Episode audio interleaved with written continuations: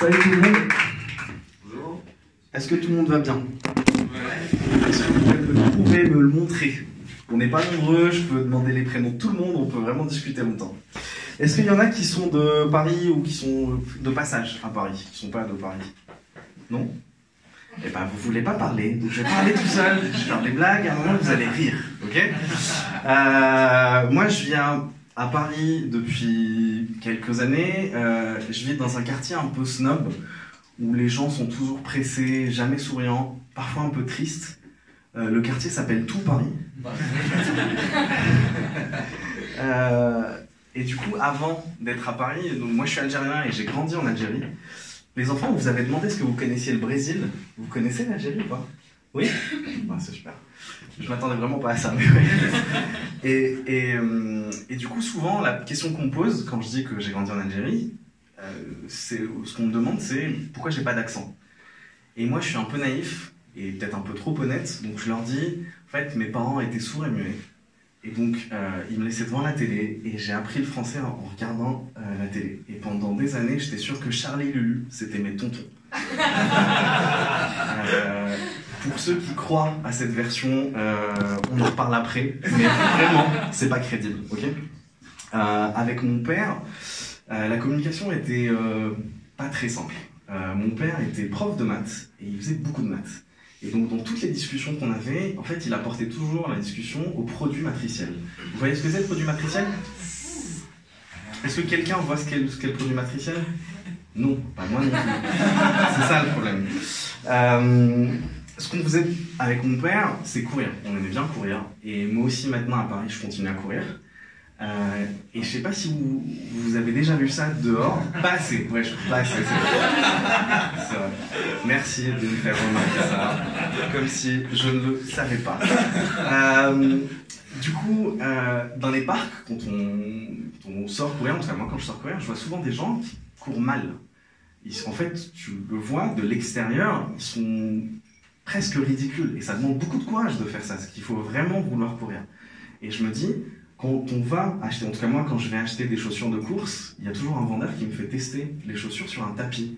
Ces gens qui courent mal, quand ils doivent tester les chaussures sur le tapis, est-ce que le vendeur à un moment il leur dit Bah, Madame, ce qu'il faut faire là c'est amputer, faut pas courir, faut juste arrêter toute motricité. Moi je trouve ça drôle personnellement.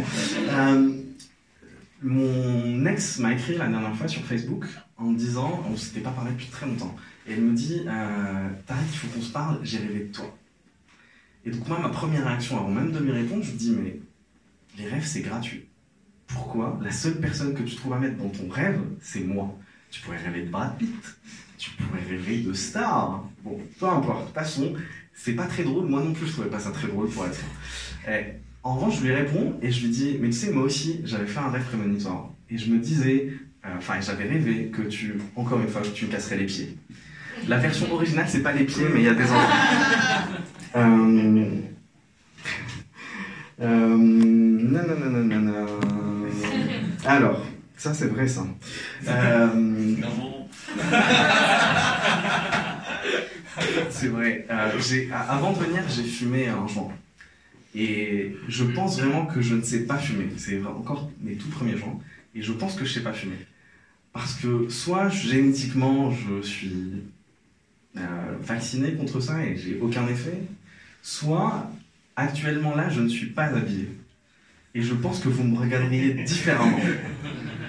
Euh, mais vous vous remettez pas en question, il y en a qui des trucs qui sont drôles, hein. vraiment. Euh, faut, faut vraiment qu'on parle de ça. Euh, malgré, malgré cette vie de vice et de luxure, euh, je suis tonton. Alors quand je fais ça, voilà, c'est pour des applaudissements. Voilà, ok, bon. Ok, mais- Bon, vous l'aimez pas, euh, ce Zach, c'est mon neveu, vous l'aimez pas. Euh, Zach, la famille non plus l'aime pas, pour plein de raisons. hein. Il est insupportable, il bouge beaucoup, il est loin d'être intelligent. Euh, moi, moi, personnellement, j'ai vraiment une don, une don contre lui parce que euh, il a ruiné ma soirée d'anniversaire. On a dû tout annuler alors qu'on lui avait dit de pas mettre ses doigts dans la prise. Ah bon? Oh là là Euh, allez, on va, du coup, on va zapper les autres. hein. Si celle-là, elle passe pas. allez, je vais parler de ma résolution de l'année. Moi, j'ai ma, résolution, enfin, avec laquelle je bosse actuellement, c'est d'essayer de méditer. J'ai décidé de méditer régulièrement, sauf que je m'y suis toujours pas mis. Vous allez me dire, mais encore, c'est que le début de l'année. Sauf que c'est ma résolution 2016. Ça commence vraiment à, à. Donc, euh, mon état d'avancement sur cette résolution, c'est que j'ai regardé des vidéos YouTube pour voir comment on médite. Et les vidéos YouTube commencent toujours par Namasté. Je m'appelle Florent Pagny. J'ai pas retenu leur prénom. Euh, J'imagine toujours Florent Pagny en train de faire ça. Et, et juste après s'être présenté, ils font euh, à tout moment, vous pouvez cliquer sur le bouton abonne-toi et recevoir et sur la cloche pour recevoir toutes les vidéos de relaxation dès leur publication. Et moi, ça me stresse. Je veux pas voir une vidéo dès qu'elle est publiée. C'est moi qui décide. Moi, je trouve ça stressant. Je, je l'ai raté. J'avoue, je l'ai raté. Il y il y avait mieux. Bon, en tout cas, euh, de fil en aiguille de la méditation, j'entends parler du chamanisme. Donc, c'est une amie qui me dit euh, Tu sais, tu devrais essayer le chamanisme. Et moi, déjà, ça m'énerve qu'elle me parle du chamanisme comme un nouveau bar à Paris. Euh, et du coup, quand je. Quelqu'un sait que. Est-ce que vous savez ce que le chamanisme ou pas? Oui. oui, j'ai quand même devoir l'expliquer. Je suis désolé, parce que j'ai pas eu envie global. Euh, on n'est pas au séminaire du chamanisme. Euh, du coup, le chamanisme, euh, pour ceux qui ont les clichés en tête qui sont euh, de la fumée et un tipi, c'est vrai. Euh, et pour ceux qui veulent plus d'infos, euh, du coup, la vraie, la définition réelle, c'est que c'est une pratique ancestrale de la méditation, enfin centrée sur la méditation, qui permet de se connecter avec la nature. Donc c'est comme un dealer, mais c'est quelqu'un qui veut du bien. D'accord Euh, Et donc, euh, moi j'ai remarqué, enfin j'ai appris qu'à Paris il y avait une mode du chamanisme. Donc il y avait de plus en plus de chamans à Paris. Et dans les grandes villes aussi. hein. Et, et donc ces chamans, c'est la plupart du temps des cadres supérieurs qui ont eu beaucoup de travail, qui ont parfois fait un burn-out, qui étaient en quête de sens, euh, ils avaient une envie d'ailleurs, et qui sont partis en Mongolie faire leur initiation au chamanisme. Et ils sont revenus. Et du coup, ils doivent y aller régulièrement. Et moi, je me mets à la place des chamans euh, qui étaient, eux, chamans à la base, qui ne sont pas chamans convertis, et qui voient plein de cadres supérieurs venir. Des banquiers, des assureurs, des consultants. Et j'imagine l'ambiance maintenant là-bas. Là-bas, il doit y avoir une pointeuse maintenant. On arrive à une heure précise, on a une pause déj. Je suis sûr qu'ils ont aussi instauré les pauses café. Hum, pause café? Hum, Non, je peux pas, j'ai pas le temps, je suis overbooké.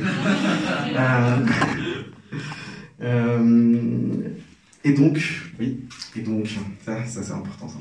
Et donc, ces chamans qui étaient, euh, qui étaient bah, chamans à la base, avec cette, euh, cette mode et cette, euh, ce bobo remplacement, ça passe un bobo remplacement? Non. Mais tous ces cas de qui arrivent, ils ont sûrement beaucoup plus de chamanisme à faire qu'avant. Est-ce que eux aussi, ils vont se retrouver à avoir beaucoup de travail, quête de sens, envie d'ailleurs? Est-ce qu'ils vont venir à Paris chercher un taf où ils auront à faire des mails et des PowerPoints? Allez, euh, je, vais, je, vais, je vais finir sur quelque chose de drôle, promis. Euh, allez, vous savez quoi Moi, ce week-end, je suis sorti. J'ai beaucoup bu. Et d'habitude, j'ai pas ça, mais euh, j'ai eu le réveil très difficile. Et euh, au réveil, j'avais vraiment l'impression que je soulevais trois mammouths. Même six mammouths.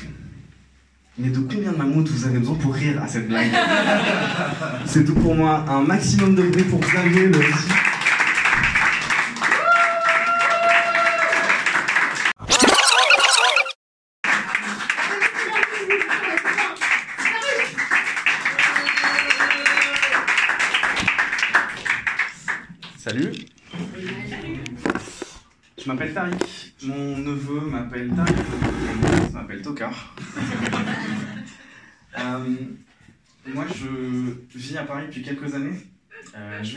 je un peu snob de Paris. Ça prend. Ça prend force. Il y en a plein des comme ça. Euh, et donc. le, quartier dans lequel je vis à Paris, c'est un quartier un peu snob. je crois que c'est snob en fait. Je dis snob. Euh, donc c'est un quartier un peu snob où les gens font la gueule, sont toujours pressés. Le quartier s'appelle Tout Paris. c'est là aussi de mettre du temps. Moi je suis algérien, euh, j'ai grandi en Algérie et quand je dis ça, la première question qu'on pose c'est comment ça se fait que t'as... ça personne ne sait. Euh, la question qu'on pose c'est pourquoi t'as pas d'accent? Comment ça se fait que t'as pas d'accent? Et moi je suis un peu naïf, je réponds au premier degré et je leur dis mes parents étaient et muets. Du coup, j'ai grandi devant la télé, et pendant des années, je pensais que mes tontons, c'était Charlie et Lulu. Euh, et il y en a qui croient à cette version. Euh, mon père était prof de maths, et euh, la communication avec lui n'était pas facile. toutes les discussions qu'on avait, en fait, il les rapportait au produit matriciel. Vous voyez ce que c'est le produit matriciel? Non? Moi non plus. Ça m'aidait pas trop. Euh, et, en règle générale, je pense que même, enfin, moi, ma communication, j'ai un peu de mal avec ça. Je pense que je, suis un peu autiste, parce que souvent, enfin, la, phrase que j'ai entendue le plus dans ma vie, c'est euh, Je crois que j'ai pas compris cette blague. c'est celle-là qui prend du temps aussi. euh, en ce moment, je vois. Je fréquente une fille. Euh, qui. C'est vrai, c'est vrai. Et ça se passait bien avec elle jusqu'au moment où elle m'a fait un compliment sur mon style vestimentaire. je me suis dit la même chose. Mais le pire, c'est que le compliment, c'était Ah, c'est cool, tes fringues sont à la bonne taille. Comment mon ego peut bien prendre ça? Euh...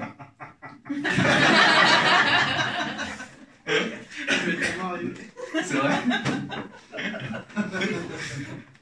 euh, ouais, dans les, dans les couples, j'ai un, problème avec les noms qu'on se donne dans les couples. Et, euh, et ma copine me demandait de l'appeler euh, chérie, mon cœur, mon amour, comme elle le faisait. Du coup, depuis, je l'appelle mon ex. elle m'appelle toujours Tocard. avant de fumer, enfin, avant de fumer, pardon, avant de venir, j'ai fumé un joint. Et c'est mes tout premiers joints.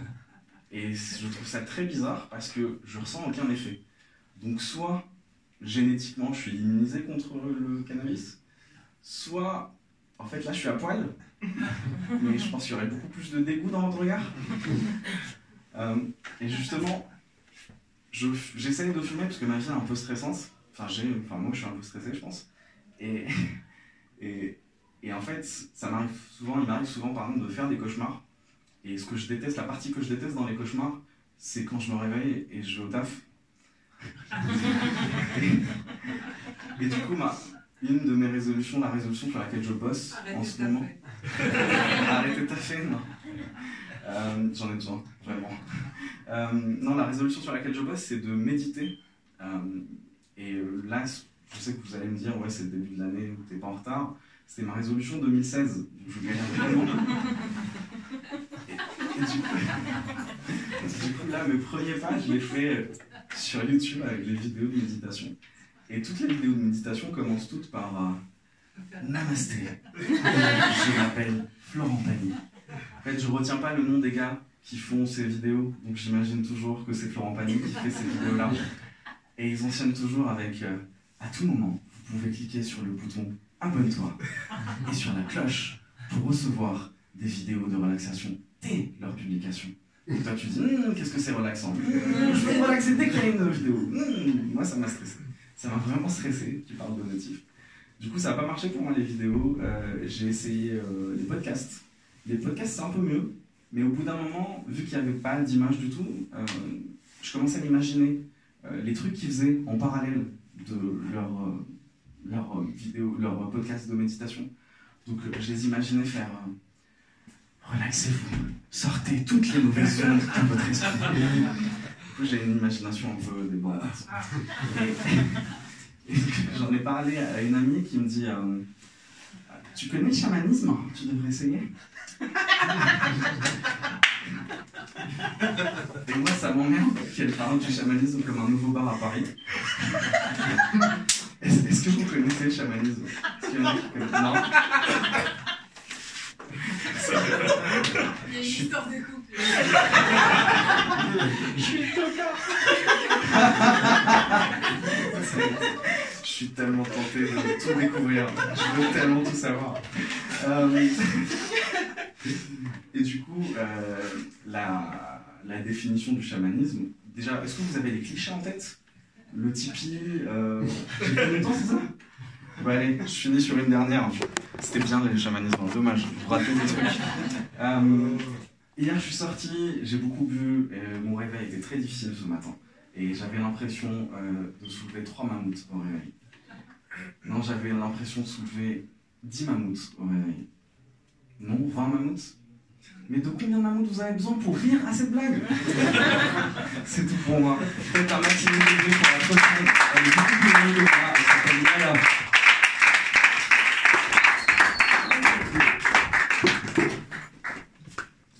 Quoi Désolé, j'ai cliqué un peu au début. Sans faire exprès. Ah, mais. Un maximum de bruit pour Tariq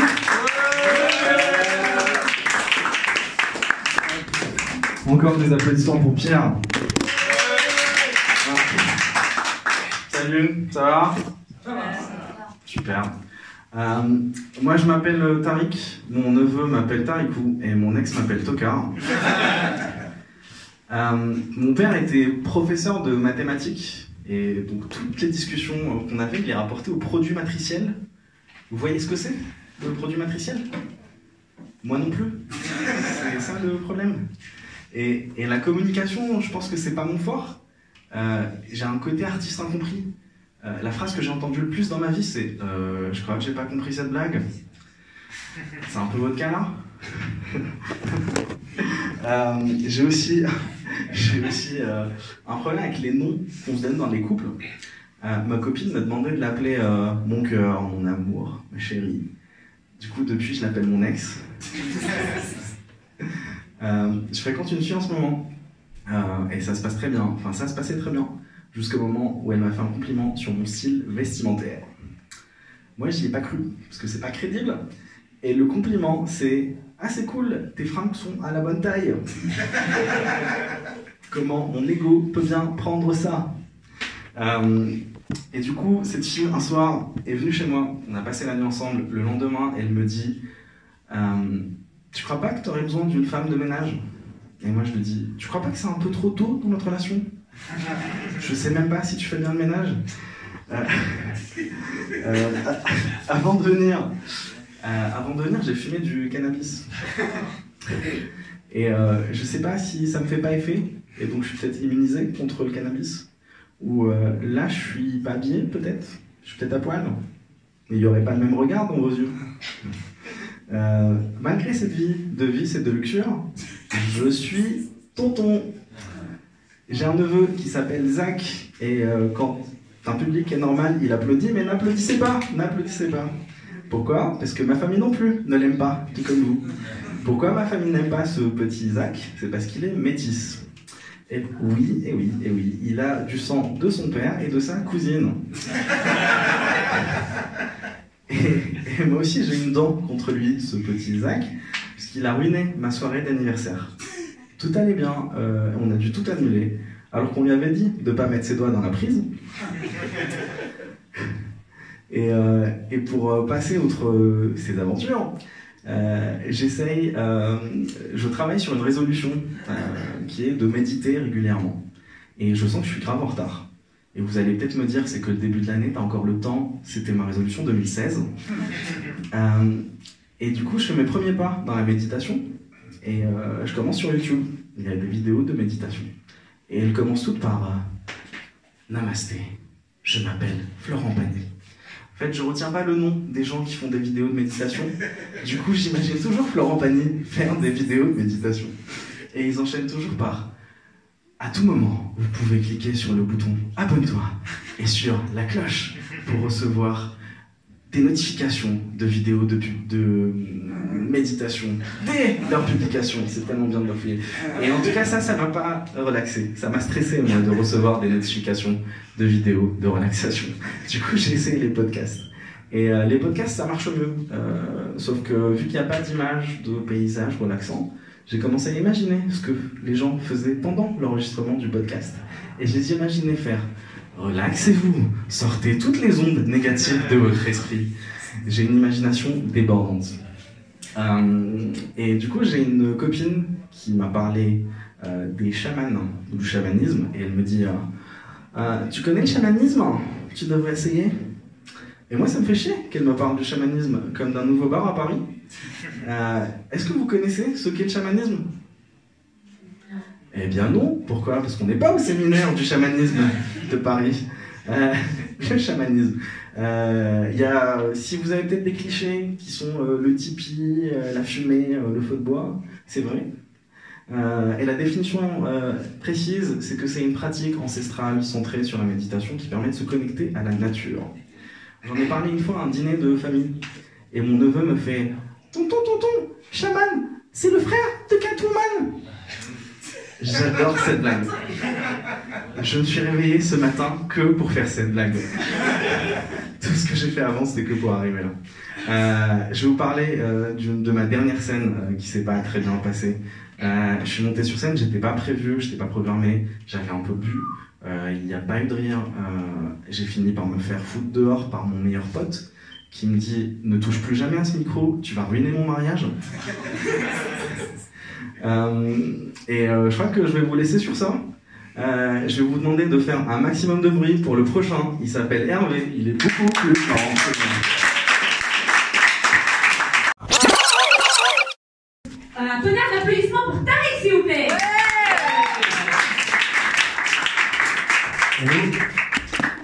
Ça va, vous allez bien? Je m'appelle Tariq. Est-ce que vous me connaissez? Non. Non. Ça m'étonne pas. Du coup, je me présente. Euh, moi, je m'appelle Tariq et euh, mon neveu m'appelle euh, Tarikou. Mon ex m'appelle Tokar. ça vous fait rire? C'est juste la réalité. Mon père était prof de mathématiques et toutes les discussions qu'on avait ensemble, il les rapportait au, au produit matriciel. Vous voyez ce que c'est le produit matriciel? Moi non plus. C'est pour ça que la discussion, elle n'est pas très loin. Euh, j'ai fait beaucoup de basket, ça se voit pas. J'ai fait 12 ans de basketball. Euh, et euh, vous pourrez retrouver mon nom au niveau de la fédération de basket. ce sera aux objets trouvés. J'ai oublié ma carte de bibliothèque là-bas. Ça me fait rire, pas vous. J'ai un travail, en plus des blagues sur scène. Euh, et euh, j'ai un travail de bureau. Et euh, tout le monde là-bas a cette habitude de parler à personne avant le premier café. Moi, j'ai jamais aimé le café. Du coup, j'ai pris cette habitude de parler à personne. De toute la journée. J'ai aussi un, un, côté artiste incompris. Euh, je pense que ce que j'ai entendu le plus dans ma vie, c'est euh, je crois que j'ai pas compris cette blague. un peu comme vous. Euh, j'ai aussi un peu de mal avec les noms qu'on se donne dans les couples. Ma copine me demandait de l'appeler mon cœur, mon amour, ma chérie. Du coup, depuis, je l'appelle mon ex.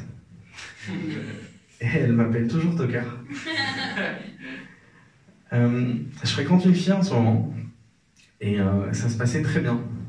Euh, jusqu'au moment où elle m'a fait un compliment sur mon style vestimentaire. Ça vous choque pas? Moi, je suis en short. Donc, euh, moi, je sais que ça ne devrait pas se faire. Et son compliment, c'était Ah, c'est cool, tes fringues sont à la bonne taille. Comment mon ego peut bien prendre ça Quand j'ai pas beaucoup de rien, je me dis J'ai l'impression d'être François Hollande. vous vous dites, il est peut-être sympa, mais il n'est pas fait pour ce job.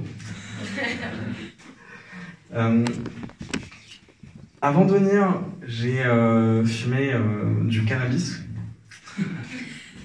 Et c'est encore mes tout premiers joints de cannabis. Donc je sais pas pourquoi, mais je ressens pas beaucoup d'effets.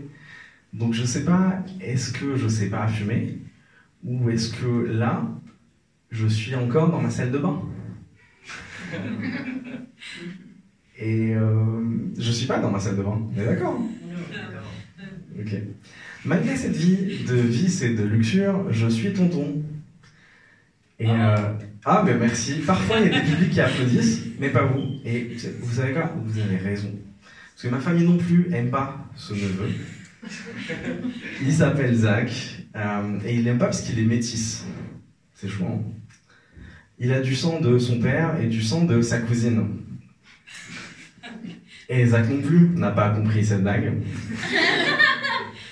Et euh, moi j'ai une dent contre, contre lui, contre Zach, parce qu'il a ruiné ma soirée d'anniversaire. Euh, on avait tout organisé et euh, on a dû tout annuler euh, le soir même, euh, alors qu'on lui avait dit de pas mettre ses doigts dans la prise. Oh, vous l'aimez bien ce Zach Eh ben moi pas du tout. Oh là là. Euh, ma résolution de l'année, euh, c'est de méditer régulièrement. Est-ce qu'il y en a qui font de la méditation dans la salle ou pas? Ouais. Alors à part Elena, qui fait de la méditation Euh, Moi je sens vraiment que je suis à la bourre. Euh, on est quasiment au milieu de l'année. euh, et c'est ma résolution 2014, donc je sens vraiment que je suis à la bourre. Euh, je fais mes premiers pas en méditation sur des vidéos YouTube. Je sais pas si vous avez vu des vidéos de méditation sur YouTube. Elles commencent toutes par Namasté, je m'appelle Florent Pagny. Ils donnent tous. Ils donnent tous des noms et des prénoms, mais je les retiens pas. Du coup, j'imagine toujours que c'est Florent Pagny qui fait cette vidéo-là. Et ils commencent tous par. euh, à tout moment, vous pouvez cliquer sur le bouton abonne-toi et euh, sur la cloche pour recevoir des notifications de vidéos de relaxation dès leur publication, à tout moment. Et moi, ça me stresse, parce que je veux me relaxer quand je veux. Je veux pas euh, être dépendant du gars qui est dans sa cuisine et qui fait hop, allez, relaxez-vous. Non, ça, ça me plaît pas. Donc, euh, je suis passé au podcast. Il y a des podcasts de relaxation, il y en a plein. Et les podcasts, ça a mieux marché. Euh, sauf que, à la différence des vidéos, il n'y a pas de paysage euh, relaxant, il n'y a pas d'image. Donc, j'écoute la voix des podcasteurs et j'imagine ce qu'ils font, ce qu'ils font en parallèle de l'enregistrement du podcast. Et je me pose des questions. Et je les imagine faire relaxez-vous, sortez toutes les ondes négatives de votre esprit. C'est parce que j'ai une imagination débordante. Un peu comme maintenant, j'ai aussi un sixième sens qui me permet de, sorti- de me sortir de ce genre de situation. C'est là où je me dis, je vois des rires. Euh, Est-ce que vous savez ce que c'est le chamanisme? Oui? Alors, tu as une exception. Parce que, à part le séminaire national du chamanisme de Paris, il y a très peu de salles où les gens peuvent dire Mais oui, nous on sait tous ce qu'est le chamanisme. Donc je dois expliquer ce que c'est. Euh, en fait, j'ai parlé de ce genre de, de mes problèmes de relaxation à une amie et elle me dit Tu devrais essayer le chamanisme. Euh, vous savez quoi Je vais pas finir cette blague, je vais finir sur autre chose. Ma, ma- mon dernier show s'est pas très bien passé. J'étais sur scène, je suis monté sur scène, j'étais pas prévu. Euh, j'ai pas eu beaucoup de rien, euh, j'étais pas programmé. Euh, et euh, j'ai fini par me faire foutre dehors par mon meilleur pote qui me dit Ne touche plus à ce micro, tu vas ruiner mon mariage. Merci à tous, faites un maximum de bruit pour le prochain.